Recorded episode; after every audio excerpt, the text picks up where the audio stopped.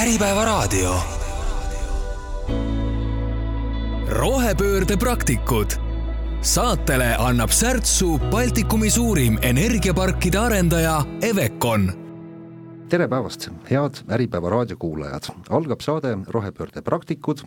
milles äh, igas saates võetakse ette mõni laiem alateema, millele otsa vaadatakse just selle pilguga, et millise kõige mõjusama rohepöörde annab siin valdkonnas ette võtta ja tänases saates keskendume me eh, turbatööstusele ja turbatootmisele ning eh, sooviks eh, siin saada siis aimu, et kui vastutustundlikult hetkel meie ühe olulisema maavaraga toimetatakse ja mis suuremaid rohemuutusi võib siin ette võtta. mina olen muide saatejuht Rein Pärn ja olen täna saatesse kutsunud turbavaldkonna asjatundjad. esmalt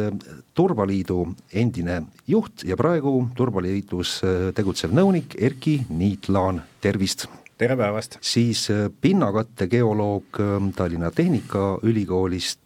Leeli Amon, tere päevast! tere! ja turbatootja Green World juhatuse esimees Jüri Tiidermann, tere, tere päevast! tere! alustuseks olekski suur soov, et äkki teeksime sellise natuke laiema sissejuhatuse sellesse teemasse, et äh, teame, et turvas on meie üks äh, olulisemaid maavarasid ja samas äh, on temast palju juttu nii positiivses kui negatiivses võtmes, et tore on, et turvast on ja seda kasutatakse ja see meie majandusse kasu toob, kuid teistpidi on alati selle teine pool ju see, et pärast turba tootmist hakkab nendest kaevandustest seda süsinikku õhku paiskuma ja, ja vaadatakse selle, sedapidi, et turba tootmine äh, tekitab lii-, võib-olla liiga palju seda CO2 meile õhku, et selline vastuoluline äh, maavara. et äh, võib-olla alustamegi, Leeli, et ole hea, kirjelda, mis see turvas on ja kuidas ta kuidas ta siin Eestis siis elule kaasa aitab? turvas on tõesti oluline maavara, aga Eestis on kindlasti ka ehitusmaavarasid, mida võetakse kubatuurilt oluliselt rohkem turvas iseenesest on siis orgaaniline setend, mis tekib erinevate taimejäänuste ladestumisel ja kuna soos on enamasti hapnikuaine keskkond, siis nad säilivad seal päris hästi ja mina teadlasena äh, olengi rohkem enamasti oma teadustöös tegelen siis selle osaga, et millest turvas moodustus ja samamoodi siis vaatan seda kui kliimaarhiivi, aga äh, head kolleegid turbatööstuses siis äh, tegelevad rohkem selle kui maavaraga. algatuseks mina tahaks teha ühe põhjapaneva avalduse selles, et ma tahaks ära lõhkuda selle müüdi, et turvas ei ole kütus enam sellepärast, et meil on nagu väga laialdaselt levinud arusaam, et või, või siis nagu turvas äh, assotsieerub kohe küttebriketiga. briketi tootmine Eestis on lõppenud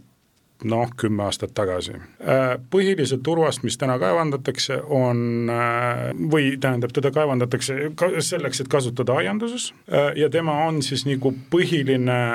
tooraine kasvupinnaste tootmiseks. kasvupinnastest täna turvas moodustab osakaalu kuuskümmend kuni sada protsenti ja paraku või õnneks meie tootjate jaoks alternatiivset materjali eriti ei ole. on öö, muidugi lisataineid, mis kasutatakse nagu kokskiud, kompost, perliit, aga ikkagi alla kuuekümne protsendi segudes turvast ei ole. ja, ja see ongi tema põhiline kasutusvaldkond maailmas kuskil tänaseks kasutatakse ligi nelikümmend miljonit kuupmeetrit turvast, millest toodetakse siis suurusjärgus kuskil viiskümmend kuni viiskümmend viis miljonit kuupmeetrit kasvupindasid. see on tema põhiline kasutusotstarve Äh,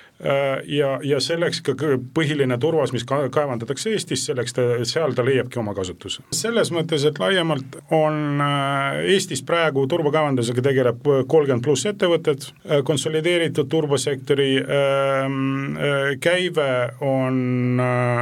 sada kuuskümmend, seitsekümmend miljonit, mis teeb turbatööstuse väga eriliseks, on see, et Eestis lisandväärtus ühe töötaja kohta on kuskil ligi sada tuhat eurot. see, kui me nüüd toome suhtarvudena, siis Euroopa keskmine on kuuskümmend viis tuhat eurot Eesti keskmine on kuskil nelikümmend üks tuhat eurot. nii et äh, noh, selles kontekstis me ei saa teda klassifitseerida nagu mingisuguseks röövkaevandamiseks ja oma riigi müügiks, noh, selles mõttes, et äh, see on kõrgtehnoloogiline tööstus tänapäevaks, kõrgtehnoloogilised seadmed, kõrge tasemega automatiseerimine, doseerimistäpsused on tänapäeval juba kuskil kümnendi grammi juures, ma pean silmas eelkõige mineraalväetiste lisamine. toote nomenklatuur on kuskil ligi kolmsada erinevat segu. see on väga keskmine, muidugi see varieerub ettevõttest ettevõttesse, see võib olla kuni viissada toodet, sellepärast et lõppude lõpuks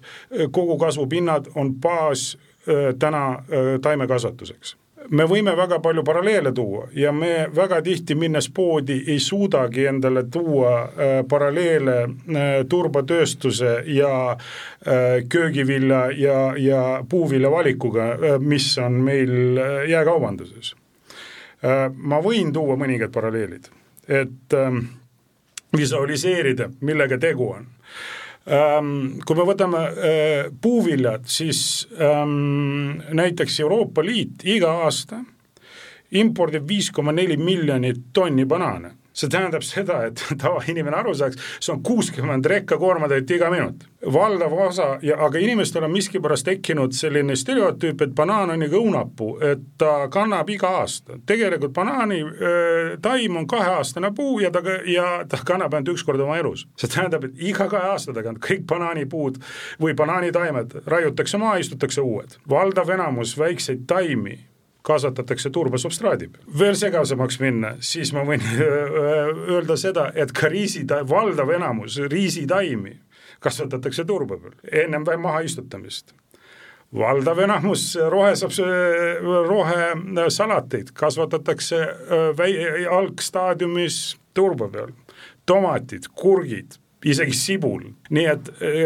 kui te tulete poodi, vaatate köögi- ja puuviljaletti, siis arvestage sellega et, et seitsekümmend protsenti nendest, sellest toodangust on alguse saanud turbal ja turbasubstraadil. jah, nii et üks, üks number oli veel, mis siit ühest artiklist läbi käis, et tähendab, Eestis toodetud turbast, mis on siis eksporditud, saab Euroopa kakssada miljardit toidukorda või, või on vähemalt kuidagi sellega seotud, et Eesti turvas on kogu Euroopale väga oluline, et, et sellega siis toitu toota euro, eurooplastele, eks ole, et, et aga ikkagi nüüd selle esimese küsimuse see teine, teine pool, et kas see on siis liialdus, et alati, kui turba tootmisest või turba eksportimisest räägitakse, siis siis käib sellega kaasa see CO2 õhku paiskamise jutt liialdus nii ja naa, enamike majandustegevustega kasvuhoonegaaside heide kaasneb. küsimus on selles, kui suur. ja mis puudutab turbasektori kasvuhoonegaaside panust, siis äh, praegu on jah, kahetsusväärselt nii, et äh, see statistiline arvutusmeetod, mida kasutatakse, ei ole kõige täpsem põhjus on lihtne, sellel hetkel, kui see meetod välja töötati, siis kasutati turvast peamiselt kütteks ja see kütteturba tarbimise loogika, seda siis laiendati ka aiandusturbale, aga äh, aiandusturvas, keskkonnas käitub hoopis teisiti kui kütteturvas ja see süsinik jääb seal veel väga pikaks ajaks seotuks ja ka kogu ulatuses üldse õhuatmosfääri ei jõua. nii et äh, jah, teatav kasvuhoonegaaside heide on kahtlemata olemas aga ta kindlasti ei ole nii suur, kui praegu statistika väidab.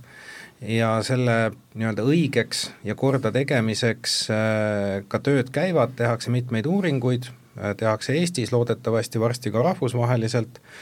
et äh, siis kõigepealt saada statistika täpsemaks ja siis saab juba sektor edasi vaadata, et kui palju veel on vaja vähendada selleks, et astuda nii Euroopa kui Eesti kliimaeesmärkidega ühte sammu kas on lootust, et see nagu saab, saab paika või, või saadakse kokkuleppele?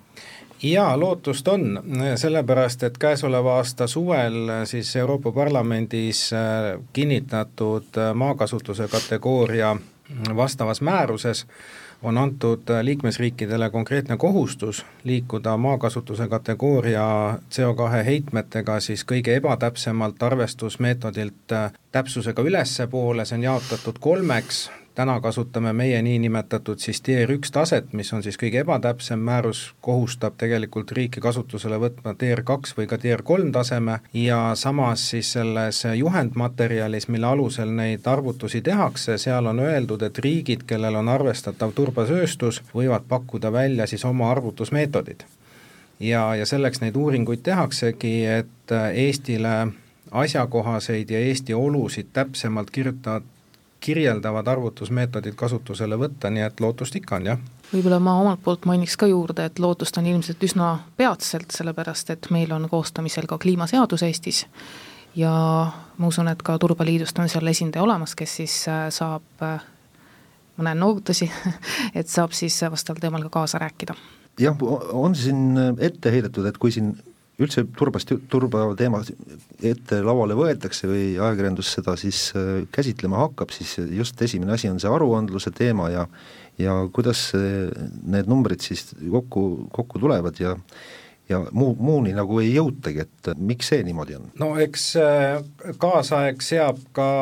kaasaegseid väljakutseid, et äh, keskkonna piiridesse mahtumine ongi tähtis küsimus, äh, kliimamõju vähendamine ongi tähtis küsimus, et see, see tuleb ära teha ja selle tõttu mitte ainult turbasektorile ei vaadata otsa, vaid kõikidele sektoritele. Jüri, kuidas praegu turbatootjatel läheb? Majanduses laiemalt, on, on veidikene keerulisemad ajad nii paljudelgi, aga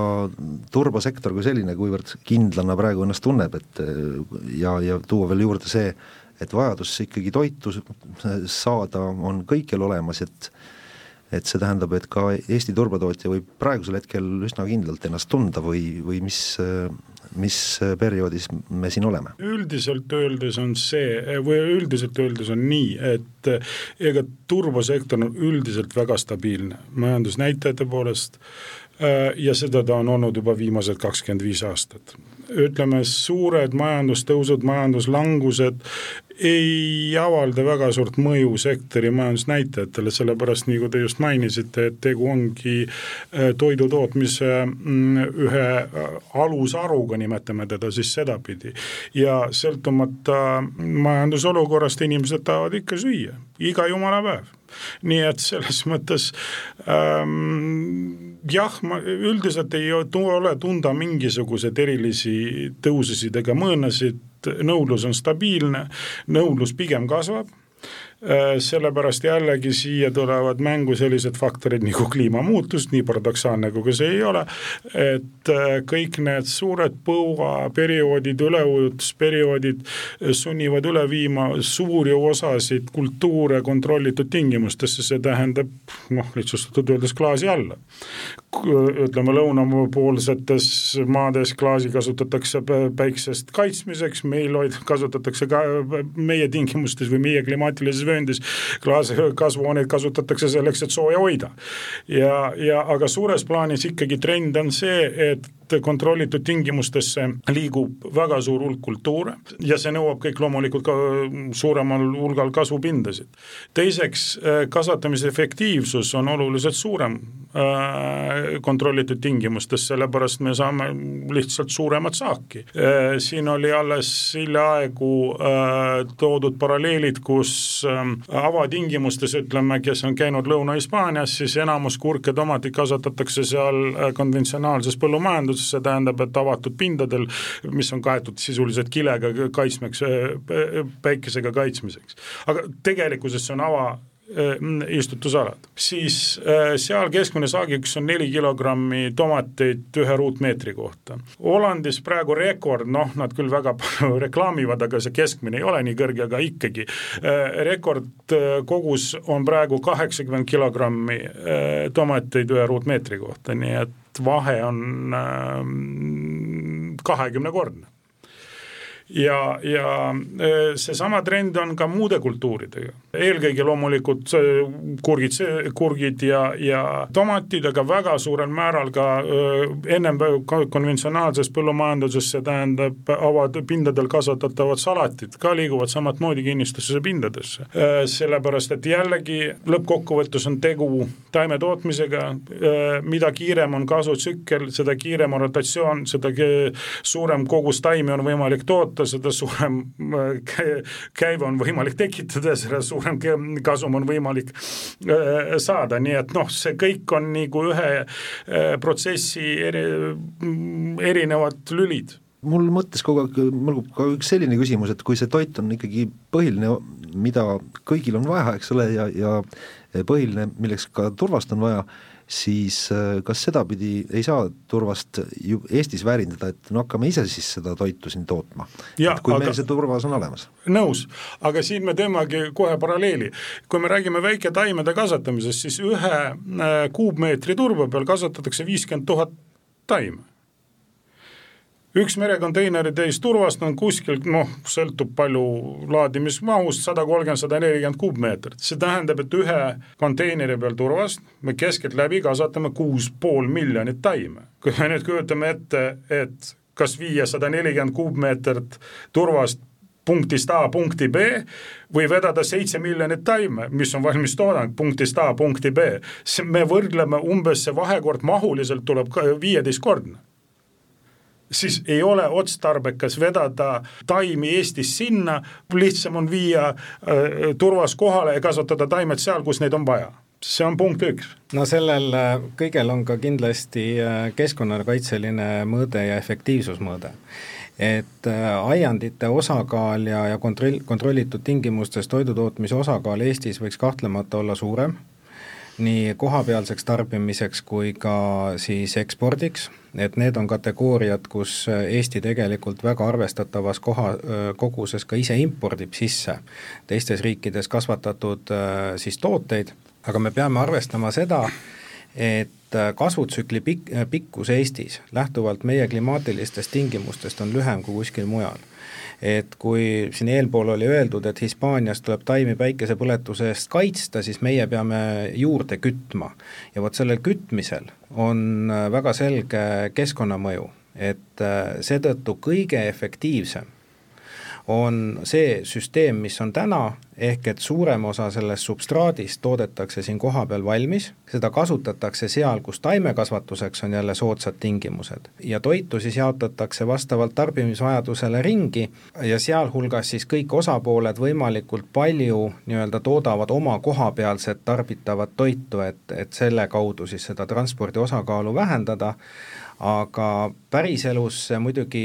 täitsa nii ei käi, et kui me vaatame näiteks põllumajandussaaduste tootmise statistikat, siis äh, selles vallas on kõige suurem tootja USA ja nii paradoksaalne, kui see ei ole, siis Eesti pindalaga sama suur riik Holland on maailmas teisel kohal ja köögiviljade kasvatamises on ta veel esikohal ja see kõik tuleb läbi selle efektiivsuse, mis on siis saavutatud kontrollitud tingimustes äh, taimekasvatusest. ja selle alus on siis mitte küll nüüd ainult Eesti, aga, aga siis kasvusubstraadid, mis põhiosas koosnevad turbast, mis tuleb Soomest, Rootsist, Eestist, Lätist, Leedust ja teistest piirkonna riikidest. ehk mõistlikum on ikkagi Hollandisse viia turvast, mitte Hollandisse viia kurke, tomateid ja, ja, ja kahtlemata, kui meil õnnestuks neid kurke ja tomateid siin samasuguse efektiivsusega kasvatada ja teistele müüa, siis me võiksime seda teha, aga mina usun selles mõttes äh, ka Eesti nii-öelda aiandussektorit, et äh, nende Nende käekäik ju näitab seda, et sama, sellises mahus nagu Hollandis me ei, ei ole konkurentsivõimelised, et meie looduslikud eeldused lihtsalt ei soosi, soosi seda, et meil tootmine tuleb nendes kategooriates kallim, nii et peame leppima selle tootmisega, mida me päriselt siin Eestis toota saame. kui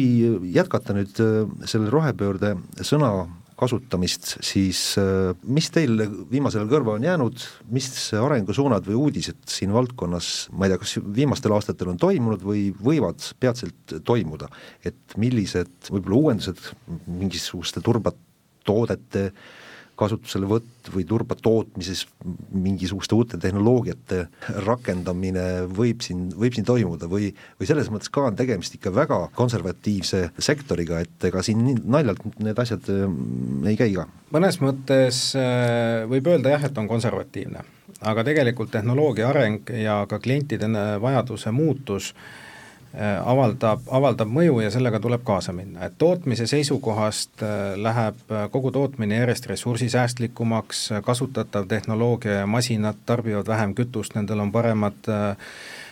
püüdeseadmed peal, vähem heitgaase ja nii edasi, see kõik on ju keskkonnamõju. et seda vähendab turbasektor täpselt samamoodi nagu iga teine.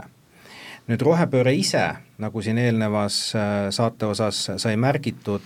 tingib ise turba tarbimise järele nõudluse kasvu, et näiteks äh, linnahaljastus, äh, millega siis me tahame luua endale paremat elukeskkonda ja leevendada ka näiteks äh, kuumasaarte teket ja muud sellist, et kui me räägime mätaskatustest, rohefassaadidest ja kõigest sellest, siis see on võimalik üksnes täna kasvusubstraatidele. ja, ja see on koht, kus siis turvas tootena panustab rohepöördesse ja maailma nii otseselt kui kaudselt rohel-, rohelisemaks muutmisesse kui rääkida toodetest, teenustest, mis, mis ülikoolis teadlased välja mõtlevad, et äh, on siin käinud äh, läbi märksõnad süsinik, superkondensaatorid, kütuseelemendid ja aktiivsöe kasutamine filtrsüsteemidest, äh, mis on siis turbast põletatud välja ja näiteks hoonete soojustamisel ja nii edasi, et kas need, need on varsti käegakatsutavad uudised need on juba vägagi lähemas tulevikus käegakatsutavad uudised, et tõepoolest Turvas aitab kaasa rohesiirdele, roheleppe tegevuste eesmärkidele, kuna puhaste energiate jaoks on tarvis ka salvestussüsteeme ja tõepoolest turbast siis toodetud biosöe abil saab toota näiteks superkondensaatoreid, et see on siis üks element nendest. Samamoodi on siis katseid tehtud ka Eestis toodetud turba aktiivsöega just näiteks naatriumioonpatareide ja kütuseelementide komponentidega. Nüüd Tehnikaülikoolis on täitsa niisugused kuumad uudised, ehk siis meil just praegu on kokkupanemisel konsortsium, kus me siis samamoodi hakkame aktiivselt tegelema just äh, turba lisaväärindamisega keemilises mõttes. ehk siis äh, me hakkame eraldama turbast äh, vahasid, mida siis, mida saab kasutada siis näiteks erinevate valatisvormide tegemiseks, ja siis täiesti pöördese tehnoloogiana hakkame üritama turbast toota selliseid asju, mida nimetatakse, eestikeelset nime neil veel ei olegi, need on siis carbon quantum dots ehk siis nanoosakesed. Ja nendel on siis äärmiselt äh, lai kasutus äh, äh, nii-öelda diapasoon ja samamoodi neil on väga suur lisandväärtus. Neid saab kasutada näiteks biomeditsiinis, neid saab kasutada meditsiinidiagnostikas, neid saab kasutada näiteks ähm, siis ravimite kandekehadena inimeste organismis siis saab neid kasutada kas või näiteks sõrmejälgede võtmiseks, kusjuures, eh, siis saab neid kasutada, ma ise näiteks kasutan fluoressentsmikroskoopi, et siis saab kasutada neid erinevates optilistes tehnoloogiates. Ja kui need eh, panna kokku näiteks tselluloosikihguga, siis saab eh, ka toota painduvat ja volitavat elektroonikat. Siis leidsin meile ka veel väga head kompanjonid, kes siis suudaksid Eesti turbast toota erinevaid polümeere ehk siis äh, mitte enam me ei äh, tegele pürolüüsi ja süsiniku tootmisega, vaid siis äh, luua toorainet äh, keemiatööstusele. ja siis selle kaugemaks eesmärgiks võiks olla, et nendest juppidest, mis nad siis suudavad laiali lagundada, sellest turbast saaks toota näiteks biopolümeere, ehk siis näiteks bioplastikut. no vot, väga palju saab turbast teha, aga, aga jah, kui paljud neist juba täna võib-olla ka töös on või, või mingisugune to tootmine käib? Äh, tootmine näiteks nende äh, carbon quantum dotside puhul äh, hetkel meil on kolleeg Brasiilias ja õpib, et seal on täiesti reaalselt seda tehaksegi ja juba toodetakse. et loodame siis selle teadmise importida ka Eestisse ja teha eduka katsepartii. aga mõni nendest, mis loetelus siin ette sai, loetud, kas võiks saada ka sellise mõjuga tooteks siis või, või, või elemendiks, mille, milleks on tarvis noh, suurtest kogustest turvast, nii et äh, võib-olla kui siin oli räägitud, et äh, et varem oli äh, turba peamine kasutusvaldkond, eks ole, turbabrikett, nüüd on see ainult kasvu, kasvuturvas või siis turbamuld, et nüüd siis nagu tuleb mingisugune järgmine laine, mis, mis võib, võib üle võtta selle nagu, et suured turbakoormad enam ei lähe Hollandisse või, või kuhu iganes, millest, kus hakatakse taimi kasvatama, vaid hoopis mõnesse teadlaste loodud Eesti tehasesse no see on ju suurepärane mõte tegelikult, et äh, paneme katsepartiid tööle, leiame endale tublid investorid ja hakkame tootma kogu maailmale vajalikku carbon quantum dotse. Jüri, kas tuli, tuli teile mõni nendest äh, to-, toodetest ja, elementidest, mis siin loetelus kõlas noh, tuttavana või, või kõik olid sellised uudistooted või mõni pani kõrva ka kikitama? noh, superkondensaatorite lugu ma olen juba aastaid kuulnud muidugi, aga kõik ülejäänud olid uued jah. Nendest ma pole küll eh, enne varem kuulnud, aga sellegipoolest ma nii väga kriitiline ei oleks nüüd sellele, et turvast ei tohiks kasutada edaspidi ka aianduses. selles mõttes, et äh, selle äh, aianduses turba kasutamisega on äh, selline lugu, et ega kahjuks me peame nüüd leppima ühe asjaga, et ega meil alternatiivi ei ole aianduses. Äh, ma olen seda nagu mitu korda öelnud ka olles äh, äh, ühe laua taga turbakasutajad, inimestega, kes üritaksid nagu piirata turba kasutamist, kui meil oleks reaalne alternatiiv kasvupinnaste tootmiseks millegistki muust, me oleks ammu selle kasutusele võtnud aga kompost nagu ju on. vot nüüd te mainisite küll huvitava koha, kus ma teeks väga äh, radikaalse kommentaari äh, ko. kompostist on paraku maalitud äh, eelkõige koduperenaiste tasemel äh, selline müüt, et teda on väga palju ja teda saab igaüks teha tegelikkuses äh, Euroopas täna kasutatakse suurusjärgus neli miljonit kuupmeetrit komposti nii, kui ma enne mainisin, aianduses kasutatakse kolmkümmend viis miljonit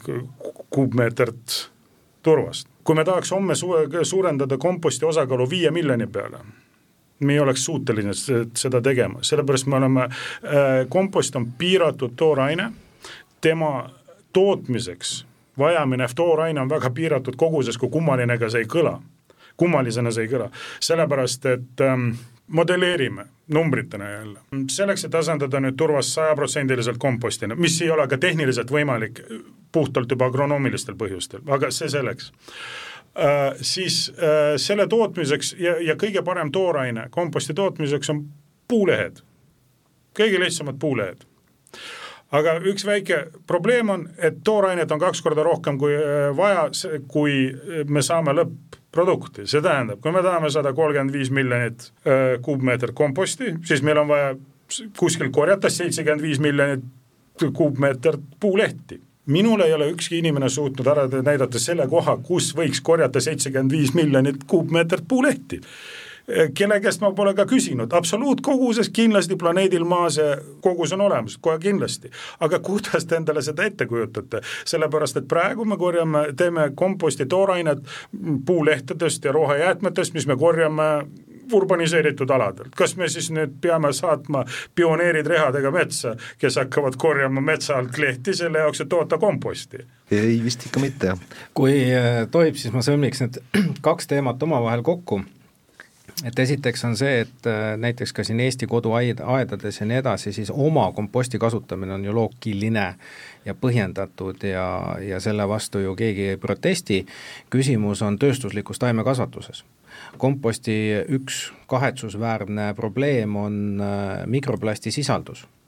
see on äh, juba ka teaduskirjandusest läbi käinud, aga selle probleemiga nüüd üha rohkem tegeletakse ja, ja Euroopa Liidus on käimas ka üks pikaajaline uurimisprojekt ja see võib jõuda sinnamaale, et meie nii-öelda olmest kokku kogutav bioloogiline jääde ei ole selles mõttes kompostitav, et seda komposti ei saa vähemalt toiduaine tootmiseks kasutada. aga nüüd, kui kuulata neid äh, uusi võimalikke turbakasutusalasid, siis, siis ma paneks võib-olla ideeliselt need kaks asja kokku. et ega turbaga pärast taimekasvatusest väljumist ju väga palju ei juhtu ta oli turvas ja ta on jätkuvalt turvas. et võib-olla saab kaks ühest teha, et esiteks kasvatatakse tema peal need taimed ära ja siis pärast sellest, äh, mis alles jääb, tehakse siis neid kõrgväärtuslikke süsiniktooteid, ma saan aru, et see on tehnoloogiliselt oluliselt keerulisem, aga see võiks olla üks suund, äh, mis järgiks ka siis tänapäevase nii-öelda ringkasutuse loogikat ja kõike seda, et võib-olla on meil seal midagi peidus et äh, ikkagi turvas on praegu see kõige mõistlikum ja kõige ainuvõimalikum lahendus, et äh, seda komposti jah, ei ole nii palju võtta ja isegi kui oleks palju võtta, siis ei oleks nii, ma eeldan ka nii kõrge kvaliteediga, ütleme muld siis ei tuleks sealt välja, mille peal annaks annaks palju taimi ja, ja toitu toota. aga hea uudis on see, et turvast, mis on siis ikkagi variant äh, number üks või plaan A, on nii Eestis kui ka maailmas väga palju. et sellepärast väga vist muretsema ei pea, et, et see nüüd meie eluajal vähemalt otsa saab ja et äh, turvas on tegelikult Eestis suhteliselt hästi uuritud, et äh, meil on juba äh, eelmise riigikorra ajast olemas päris palju uuringuid, meil on tehtud sadu tuhandeid puurauke, läbi uuritud üle kolmesaja soo, samamoodi meil on väga hea avalik andmebaas, kus kõik saavad tutvuda oma kodukandi soode rabadega, kui sügav need on, palju see on turvast, millest see on moodustunud, missugused on elementide sisaldused. Et selles mõttes meil teave on suhteliselt hea nüüd äh, meie eluajal see loodetavasti tõesti otsa ei lõppe et äh, Erki võib mind parandada, aga kui ma vaatasin varu, siis ma nägin sellist numbrit nagu ligi äh, kuussada miljonit tonni aktiivset varu. jaa, ja sinna tegelikult ju veel passiivne varu otsa, pluss siis veel need turbaalad kus, kus geoloogilisi uuringuid tehtud ei ole. meie Eesti varudest jätkuks tänase, tänaste tootmismahtude juures enam kui tuhandeks aastaks, aga olgu muidugi siin öeldud, et see ei arvesta erinevaid kitsendusi, mida selle juures arvestada tuleb, me räägime geoloogilisest varust ja kui me räägime maailma turbavarust ja selle kasutamisest äh, ka nii-öelda globaalsel tasemel, siis maailma turbavarust tänaste tarbimismahtude juures jätkuks enam kui saja viiekümne tuhandeks aastaks. no see on väga tore aga mis sest, et meil, meil kui ka maailmas on turvast palju, see ei tähenda, et sellega peaks kuidagi eh, priiskavalt või, või hoolimatult ümber käima. et ikka, kui võetakse ette see turbatöö, siis ja turvast välja tuuakse, et, et siis peab ikkagi olema hea, hea peremehelik, eks ole. et jah maavarade kasutamisel äh, kehtib äh, Eestis juba pikka aega selline printsiip, et kui kuskil kohas on äh, kaevandamist alustatud, siis tuleks tegelikult maksimaalselt see koht ära kaevandada, selle asemel, et jätta ta maha ja liikuda uude kohta, et Eesti õigusruumis on ka väga täpselt reguleeritud korrastamise kord, kuidas siis mitte ainult turbatootjad, vaid ka kõik maavarade kaevandajad peavad enda järel muudetud maa korda tegema ja siis kas teiseseks kasutusotstarbeks või keskkonnale tagasi andma. ja teiselt poolt on hästi oluline võib-olla märkida seda, et äh, kui turbalt põhinevad tooted aiandites ära kasutatakse, siis pärast seda nad ei jõua prügimäele et äh, juba väga pikaajaliselt on selline praktika, et äh, aiandussektoris siis kogutakse kokku kogu bioloogiline mass, sealhulgas nii see kasvusubstraat, mida enam ei saa taimehaiguste leviku pidurdamise tõttu uuesti kasutada, kui siis ka kasvanud seal taimejäänused või praaktoodang, mis iganes, see kogutakse kokku, kompostitakse ja kasutatakse siis piirkonna põldudel mulla parandajana, mis tähendab ka seda, et äh, suurem osa sellest äh, süsinikust, mis on turbas ja mis võetakse sealt turba näol siis maapõuest välja, jõuab teises kohas uuesti maapõue tagasi ja jääb seal pikaajaliselt selle mulla edutegevust toetama. ja see on ka üks põhipõhjustest, mistõttu äh, turbakasutusega kaasnev kasvuhoonegaaside heide ei ole päris selline, nagu täna statistika väidab. jah, vot kus see tõde, tõde siis on, et kui palju nüüd see tänane turbatööstus saab nahutada, ütleme sellest äh, kõigest, mis äh, meil see, see suur naaberriik korraldas siin meie maavaradega üldse laiemalt ja kui tublid ollakse tegelikult praegu, et, et ma ei tea, Leeli, mis, mis teie kommentaar siin oleks, et kui palju saab tänane turbatööstus nahutada Nõukogude Liidu tehtu eest? eks seal ikka mingi osa on, sellepärast et kui on ka need äh, mitte korrastatud jääksood, siis nad on tegelikult, ei ole tekkinud enamasti mitte praeguse riigikorra ajal, vaid siis jäänukid äh, nõukaajast. Neid on siis üle tuhande hektari ja nendega tuleb järjepidevalt vaikselt tegutseda. ja Jüri, et äh, äkki omapoolne kommentaar ka, et et jah, palju see olukord siis tänaseks on, on muutunud, et? no olukord on absoluutselt teine, kui seda tegelikult peegeldatakse äh, ajakirjanduses, kuna tänaseks äh, kolmekümne aasta jooksul, kaua on olnud äh, Eesti Vabariik, siis ähm, ei ole maha jäetud tänapäeva tootjatest mitte ühtegi ruutmillimeetrit turbaraba korrastamata. kokku viimase kolmekümne aasta jooksul on avatud ainult uus, viis uut maardlat. Sellepär- ja, ja tegelikult turbasektor opereeribki ainult nendel maardlatel, mis on avatud juba Nõukogude Liidu aeg nagu kolleeg mainis, jah, need mahajäetud alad on tõesti vanad EPT süsteemidest, põllu- no,, kolhooside, sovhooside süsteemidest maha jäänud alad, nad jäid peremeheta sellepärast, et riigikord muutus, ettevõtted kadusid ära ja nahutada selle eest, nagu teie väljendasite, turba, tänapäeva turbatööstust on, on no ülekohtune. Mis on turbasektor praegu võtnud, jah, turbasektori praegu äh, kaevanduslubadega kaetud äh, aladest on teatud hulk alasid, mida võiks hakata korrastama ja Turbaliit on võtnud endale nagu äh, kohustuseks, et me korrastame kuni viis tuhat hektarit olemasolevaid äh, äh, mäeeraldisi, kus töö enam ei käi aastaks kaks tuhat kolmkümmend või ennem kahe tuhande kolmekümnendat aastat. kuida, mis see praktikas tähendab, noh, ka enda ettevõtte baasil ma võin näidata, et me juba korrastame alasid, mis me avasime üheksakümne kuuendal aastal. tähendab ressurss on ammendunud, me hakkame, alustasime koheselt korrastamisprotsessiga. see protsess juba käib, me tahaks ära lõpetada selle protsessi ja riigile üle anda äh, kuskil kahe-kolme aasta jooksul esimesed mõningad sajad hektarid. selles osas ei ole absoluutselt, me võime rahuliku südamega vaadata peeglisse endale otsa ja mitte tunda mitte mingisuguseid süümepiinasid selles, et me oleks kuidagipidi kahjustanud või maha jätnud mingisuguseid äh, alasid Eesti Vabariigis. Miks ikkagi on niimoodi, et Turvas on Eestis põlevkivi järel teisel kohal maksustamise astmelt, et nagu noh, karistatakse igat, igat seda kuupmeetrit siis, mis välja võetakse, peaaegu sama, samaväärselt kui põlevkivi, et kas need on siis selles mõttes võrreldavad või? eks riik peab oma ressursi pealt tulu teenima see on ju loogiline ja, ja maavarad üleüldiselt noh, jagunevad väga erinevatesse kategooriatesse, aga näiteks kohapeal tarbitavate ehitusmaavarade väga kõrge maksustamine ei ole loogiline riigi tulu tuleb läbi parema infrastruktuuri, läbi ettevõtluskeskkonna, läbi selle, et äh, saadakse toota, saadakse oma toodetega turule. Need tooted, äh, mis äh, jõuavad valdavalt välisturgudele, sealt rohkem riik nagu nii-öelda kaudset tulu väga palju ei saa turba puhul võib-olla see erand on jah, et, et sõltumata sellest, et me tarbime näiteks siin Hispaania kurki, siis võib olla see Eesti turbal kasvatatud ja selle kurgi hind on ka Eesti tarbijale oluline. et, et seetõttu mõnevõrra kõrgem maksustamine turba puhul võib-olla on isegi põhjendatud ja, ja turbasektor on saanud sellega hakkama. aga maksupoliitika laiem väljakutse on see, et ta oleks enam-vähem ühtlane konkureerivates riikides. Et eh, ei saa tekkida olukorda, kus eh, Eesti maksustab näiteks eh, oma ressurssi kümme korda suuremalt kui Läti või Soome. praegu seda ei ole, aga, aga meie maksukoormus siiski teataval määral kõrgem on.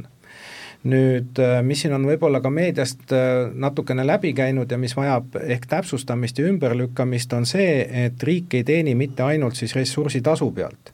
mis täna on siis umbes üks koma üheksa kuni kaks koma kolm eurot tonni kohta, kui turbast toodetakse kasvusubstraate ja neid siis äh, realiseeritakse, siis riik teenib ühe turbatonni pealt siin pisut alla kolmekümne euro läbi siis erinevate maksude, mida siis ettevõtted äh, riigile ja kohalikele omavalitsustele maksu, maksavad, et lisaks siis maavara kaevandamisõiguse tasule ka teised keskkonnatasud, maa rent, maamaks, tööjõuhõivemaksud, äh, aktsiisid ja nii edasi ja nii edasi et äh, riiklikud maksud, erinevad kõik, moodustavad äh, toodangu lõpphinnast täna kolmandiku peaaegu. nii et äh, ei saa öelda, et sektor ei panusta, sektor selles mõttes, ma arvan, et panustab hoolimata sellele, et ta on pisikene, Eesti majandus enda suuruse kohta päris arvestatava koguse. eelkõige, millega meil on ja mille pärast turbatööstus on tõudnud praegu keskkonna kontekstis fookusesse, on see, et äh, turbale kasutatav äh, heite arvutussüsteem on väär see on see täpselt, millest ma alustasin äh, seda saadet, kus ma tõin paralleeli, et turvas ei ole või tänapäeva äh, turbatööstus ja, ja tänane turbatööstuse toode ei ole brikett see ongi see fundamentaalne probleem, sellepärast et see on, see on, äh, me kasutame heitme arvutussüsteemi, mis on asjakohane kütusele, ka mitte tänapäevale tootma, tootele, mis on äh, kasvupinnas. ja selles ongi see fundamentaalne probleem, et meil on kolmekümne aastaga hetkel, kui loodi see arvutussüsteem, tööstus on transformeerunud ja hakanud tootma absoluutselt midagi muud see on, see on, ma võin paralleeli tuua, kui ta, kui me peaksime kohandama heitemäärasid, mis on puidubriketil ja võrdlema selle heitemääraga, mis on puitmaja. no vot, see on umbes midagi väga analoogset aga noh, see on ju väär, no see on ju ilmselgelt väär ja, ja praegu ongi see, et turvas on tekkinud nagu äh, äh selles kontekstis esimesele või tähendab esikaanele, sellepärast et arvutusmetoodika on vale. turbale kasutatakse otse oksideerimisprintsiipi, kus ta kirjutatakse sajaprotsendiliselt kaevandushetkel emissiooniks äh,. no see teile üritatakse see või selle läbi selle me peaksime nagu äh, ja, või jälgides seda loogikat, igalühel on potililled kodus, siis kui te õhtu istutate ühe taime ühest potist teise ja täidate selle poti turbaga, siis hommikuks selle loogika järgi peaks alles olema ainult pott ja taim. ja turvas oleks pidanud olema ära kadunud. aga te iga hommiku ärkate ja te näete sedasama potti, mille sees on taim ja turvas. Vot, vot siin tekibki nagu see, need käärid, mille pärast eh, tur-, turbatööstus praegu nagu süüdistatakse alusetult selles tohutus emissioonis. jah, Leeli nägu läks nüüd lõpus naerule, vahepeal oli küll mõtlik eh, pilk ees, kas selles mõttes, et väga nõus sellega, mida Jüri just praegu rääkis või, või et pigem see ei ole üldse nii? ei, ma elavalt kujutasin ette, kuidas seal potis peaks see turvas süttima aga et äh, sellega oled nõus, et, äh, et see turbaarvutusmeetod on, on noh, ikkagi noh, kehvasti praegu. Äh, siinkohal ma ütlen ausalt, et äh, ma ei ole sellesse metoodikasse süübinud, ilmselt ma peaksin, kuna ma olen ka kliimaseaduse ühes töögrupis äh, esindaja, et siis ma pean ilmselt ka need arvutused mingi hetk läbi käima, et siis ma olen ilmselt targem ja kompetentsem. Kui nüüd lõpetada see, see saade, siis võib-olla niimoodi, selle pika jutu kokkuvõtteks, et mis siis teie ütleksite, milles see rohepööre turba teemast käsitledes võiks siin olla, ütleme, lähimatel aastakümnetel? kui alustada, siis ma ütleks sellega, sellest, et äh, ilmselgelt iga sektor peab äh, tegema kõik endast oleneva selleks, et oma kasvuhoonegaaside jalajälge vähendada, selleks, et mahtuda keskkonna piiridesse ja, ja see ei ole mitte vajalik selleks, et me oma majandust tapaksime, vaid sellepärast, et enamikel juhtudel nõudlus nende toodete järele püsib ja võib ka kasvada.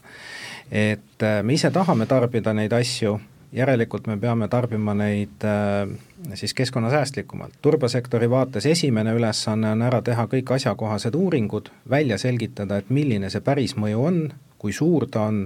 ja siis, millest me täna veel ei jõudnud rääkida, tegelikult on seal terve rida samme, kus siis selle teadmise baasil äh, saab hakata tegema neid päris otsuseid, kuidas siis neid tegelikke heiteid veel omakorda vähendada kuni selleni, et äh, sektor saaks jätkata ka kaks tuhat viiskümmend pluss perspektiivis, sellepärast et ega inimesed toidutarbimist ju kahe tuhande viiekümnendal aastal ära ei lõpeta. teadlaste poole pealt võib-olla nii, et siis rohkem superkondensaatoreid ja, ja nutikaid leiutisi saab ka ju turbast teha äh, just, et äh, anname siis kõik teadusele ja tehnoloogiale hoogu juurde, leiame uusi ägedaid materjale, mida toota ja see on tuleviku suund ja Jüri, mis võib tulevikus juhtuda? mina ütleks, nõustuks Erkiga jah, absoluutselt, et, et, et heitmefaktorid tuleb kontrolli alla saada, loomulikult iga inimtegevusega kaasneb teatud mõttes heide, aga me peame vältima eelkõige igasugust, nagu nüüd on moodne öelda, tunnel nägemisi rohe probleemide lahendamisel ja sini, sinnamaani, kuni me ekspordime Eesti turvas sada kahtekümmend riiki üle maailma, ma arvan, et Eesti turvas on üks ikka äge asi, nii et me peame ikkagi teda edasi eksportima sada kahtekümmend riiki maailmas. tuleb nõustuda. Äh, selline saigi siis äh, tänane seekordne saade Rohepöörde praktikud, aitäh saatesse tulemast, Erki Niitlaan, Leeli Amon ja Jüri Tiidermann ja aitäh kõigile kuulajatele kuulamast ja kena nädala jätku!